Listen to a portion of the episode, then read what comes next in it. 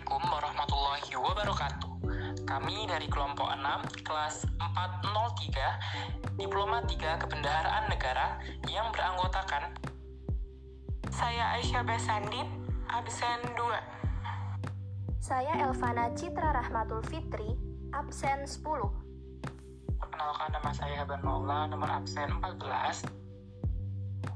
Saya Jiana Nasya, absen 16. Saya Muhammad Arsad, nomor absen 23. Perkenalkan, nama saya Siti Aikla Rehani, nomor absen 34. Kami akan membahas tentang reformasi perpajakan. Dengerin sampai habis ya.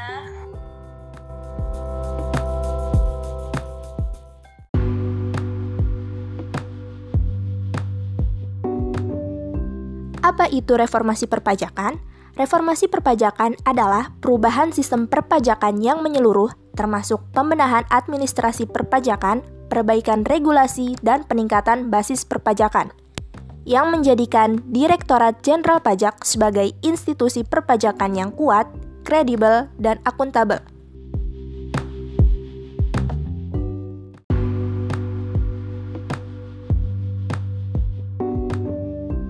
Mengapa perlu adanya reformasi perpajakan? Karena satu, tingkat kepatuhan wajib pajak yang masih rendah. Dua, target penerimaan pajak setiap tahunnya meningkat. Dan yang ketiga, jumlah SDM tidak sebanding dengan penambahan jumlah wajib pajak, sehingga kesulitan dalam pengawasan dan penegakan hukum.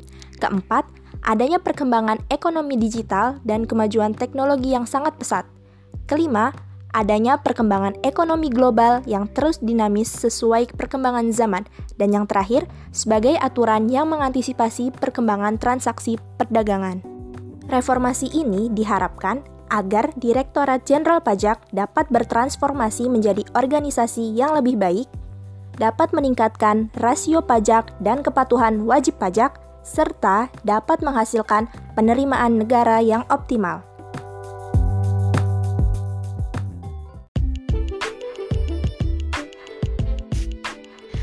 Reformasi perpajakan itu pertama kali dilakukan pada tahun 1983, di mana reformasi ini sendiri merupakan suatu upaya bagi pemerintah dalam mengubah berbagai peraturan perundang-undangan perpajakan yang telah berlaku sebelumnya.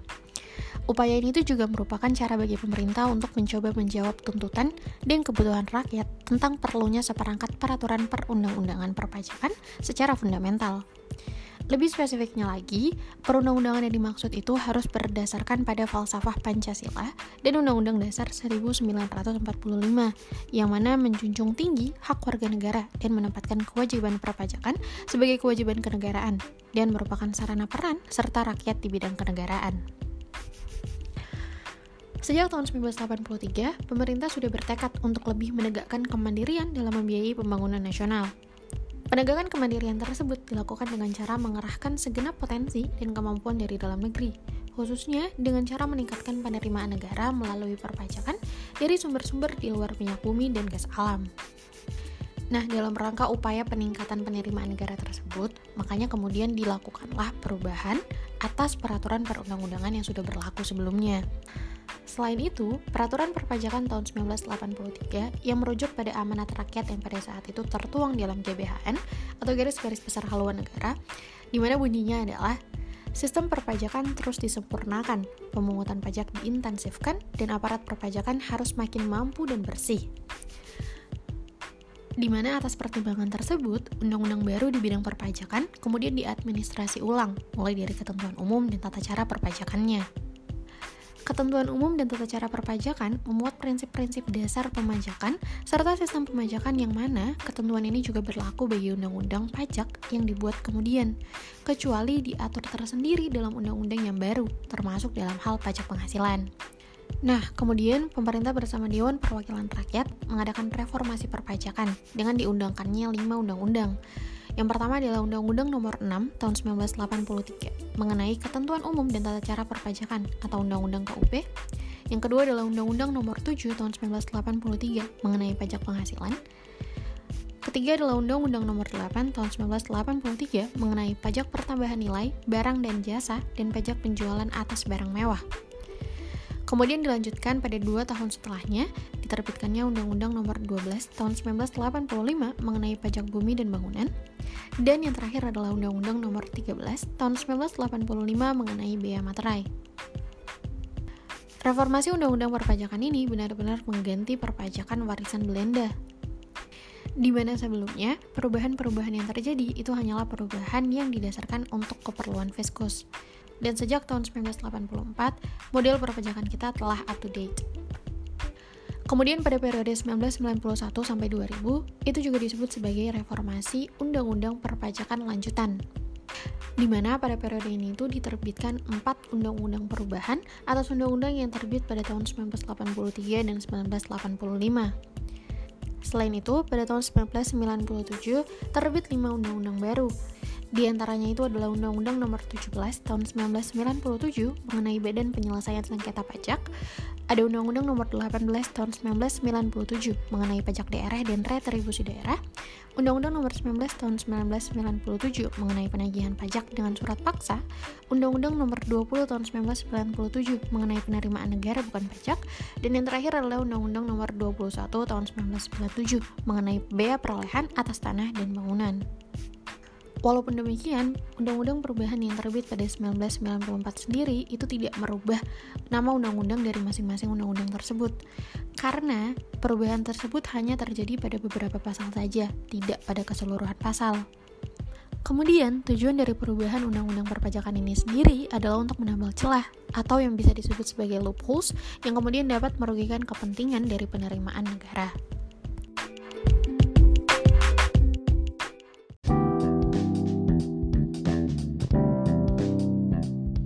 Reformasi birokrasi dimulai pada tahun 2000 hingga tahun 2001 guna mempersiapkan reformasi perpajakan jilid 1. Pada tahun tersebut dilakukan penetapan visi dan misi serta blueprint reformasi perpajakan jilid 1.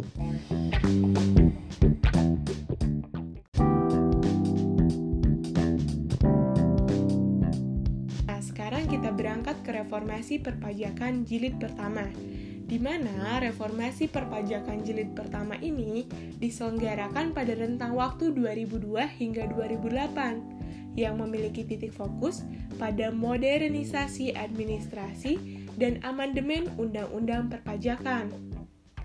Di mana target utama reformasi perpajakan jilid pertama adalah mengenalkan paradigma baru pengelolaan perpajakan melalui sistem yang berorientasi pelayanan dengan sumber daya manusia berintegritas tinggi. Dengan program modernisasi itu disampaikan pesan bahwa pemerintah mampu meninggalkan pengelolaan pajak jahiliyah menjadi pengelolaan yang bermartabat dan berintegritas.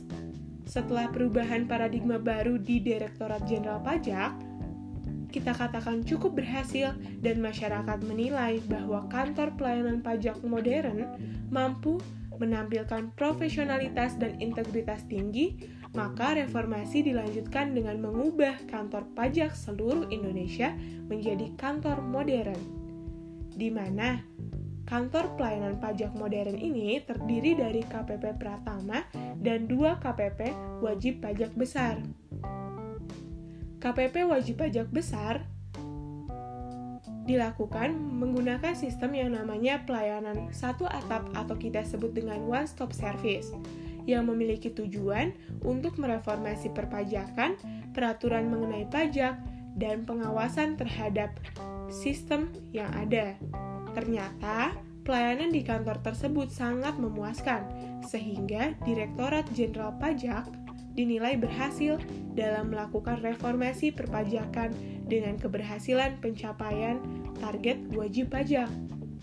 Nah, dalam periode tersebut juga, DJP melakukan beberapa langkah lainnya, seperti amandemen undang-undang, ketentuan umum, dan tata cara perpajakan atau kita sebut KUP, dan amandemen pajak penghasilan atau kita sebut PPH.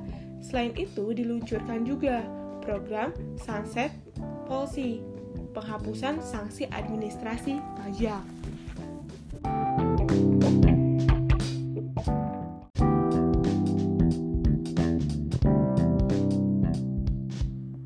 Reformasi perpajakan jilid 2 berlangsung dari tahun 2009 hingga tahun 2014 Reformasi ini menitik beratkan pada peningkatan internal kontrol DJP dan meningkatkan pelayanan kepada masyarakat.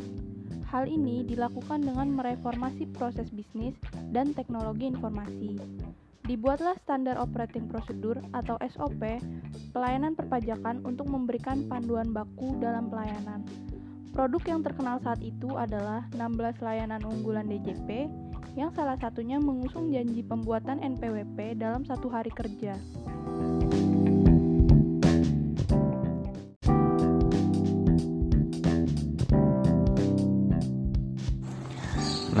Sekarang kita masuk ke reformasi yang terkini, yang teraktual, yang masih berlangsung saat ini, yaitu reformasi perpajakan jilid ketiga.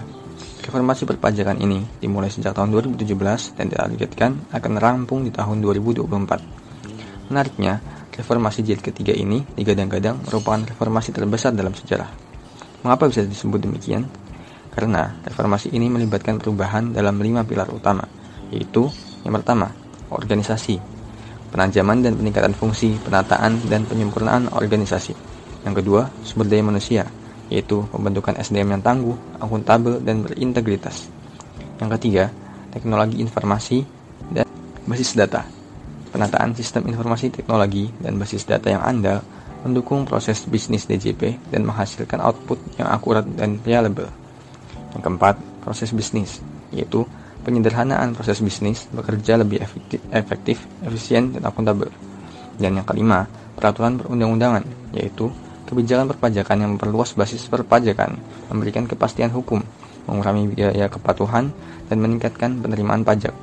Juga, Reformasi ini berada pada momen yang tepat, momen yang besar, yaitu setelah berakhirnya program tax amnesty, di mana semua perhatian tertuju pada keberhasilan tax amnesty ini.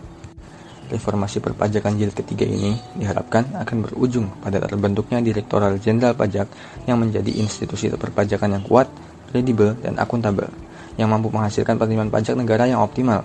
Diharapkan nantinya akan terjalin sinergi yang optimal antara lembaga, kepatuhan wajib pajak yang tinggi, dan rasio pajak 15% di tahun 2024. Kita mulai dari reformasi organisasi dan sumber daya manusia yang bertujuan untuk penyederhanaan dan kemudahan pemberian pelayanan pada masyarakat. Di antaranya yaitu e-billing, memberikan kemudahan pembayaran pajak melalui berbagai kanal, pembayaran semudah orang pergi ke mesin ATM, menggunakan smartphone, dan berinternet.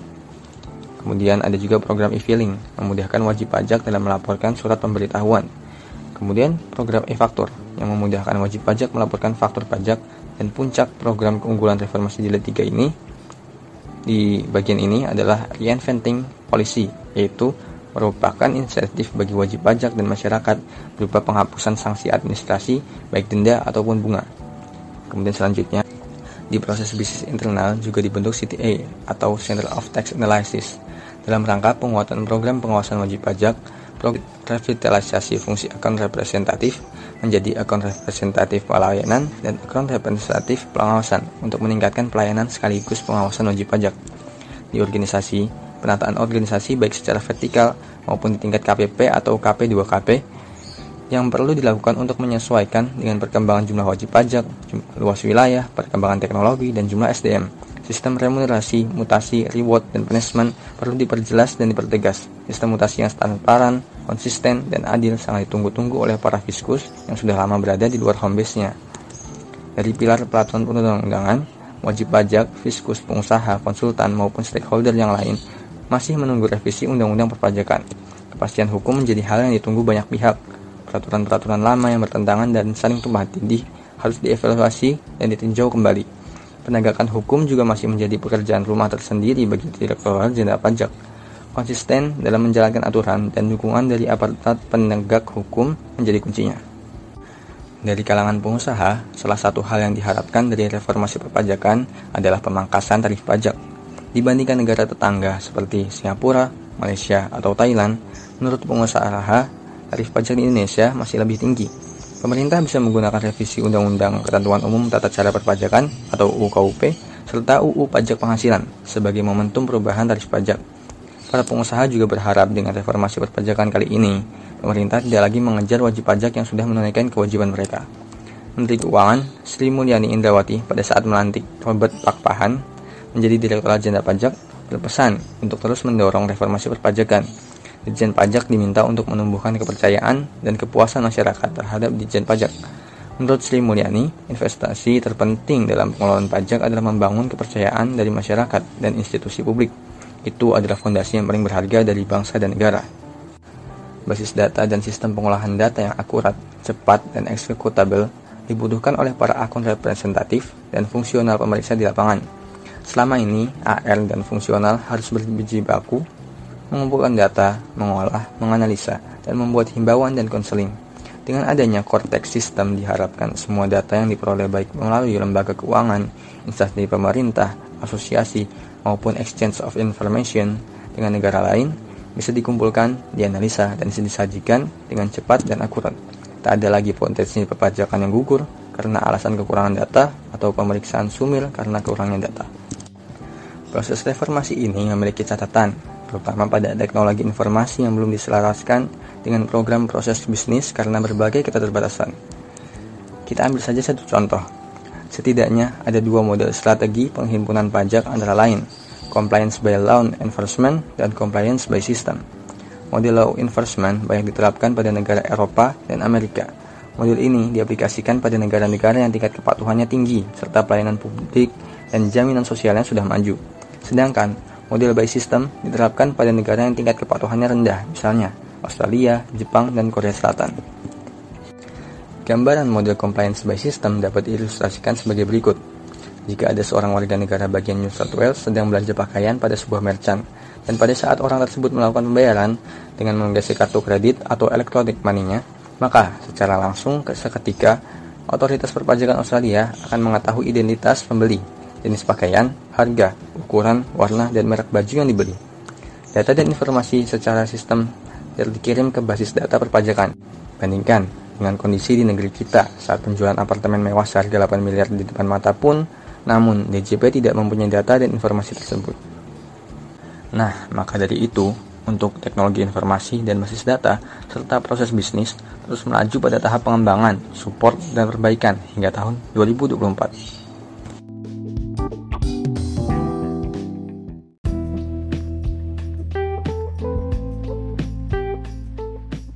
Kesimpulannya, pada reformasi perpajakan tahun 1983, terbitlah lima undang-undang perpajakan baru yang menggantikan peraturan perundang-undangan Belanda. Dilanjutkan dengan reformasi birokrasi pada tahun 2000 sampai 2001 yang berisi penetapan visi misi serta blueprint reformasi jilid 1. Pada tahun 2002 sampai 2008 terjadilah reformasi perpajakan jilid pertama yang menghasilkan pelayanan satu atap dan diluncurkannya program Sunset Plesi.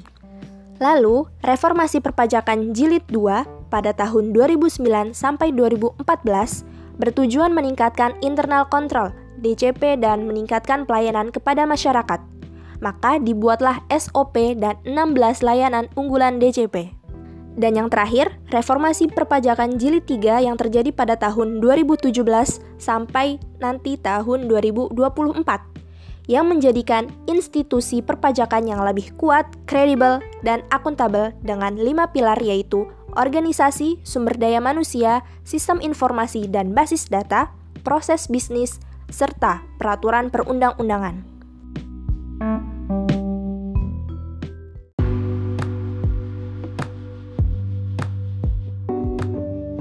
Dari kelompok kami, kurang lebihnya kami mohon maaf. Wassalamualaikum warahmatullahi wabarakatuh.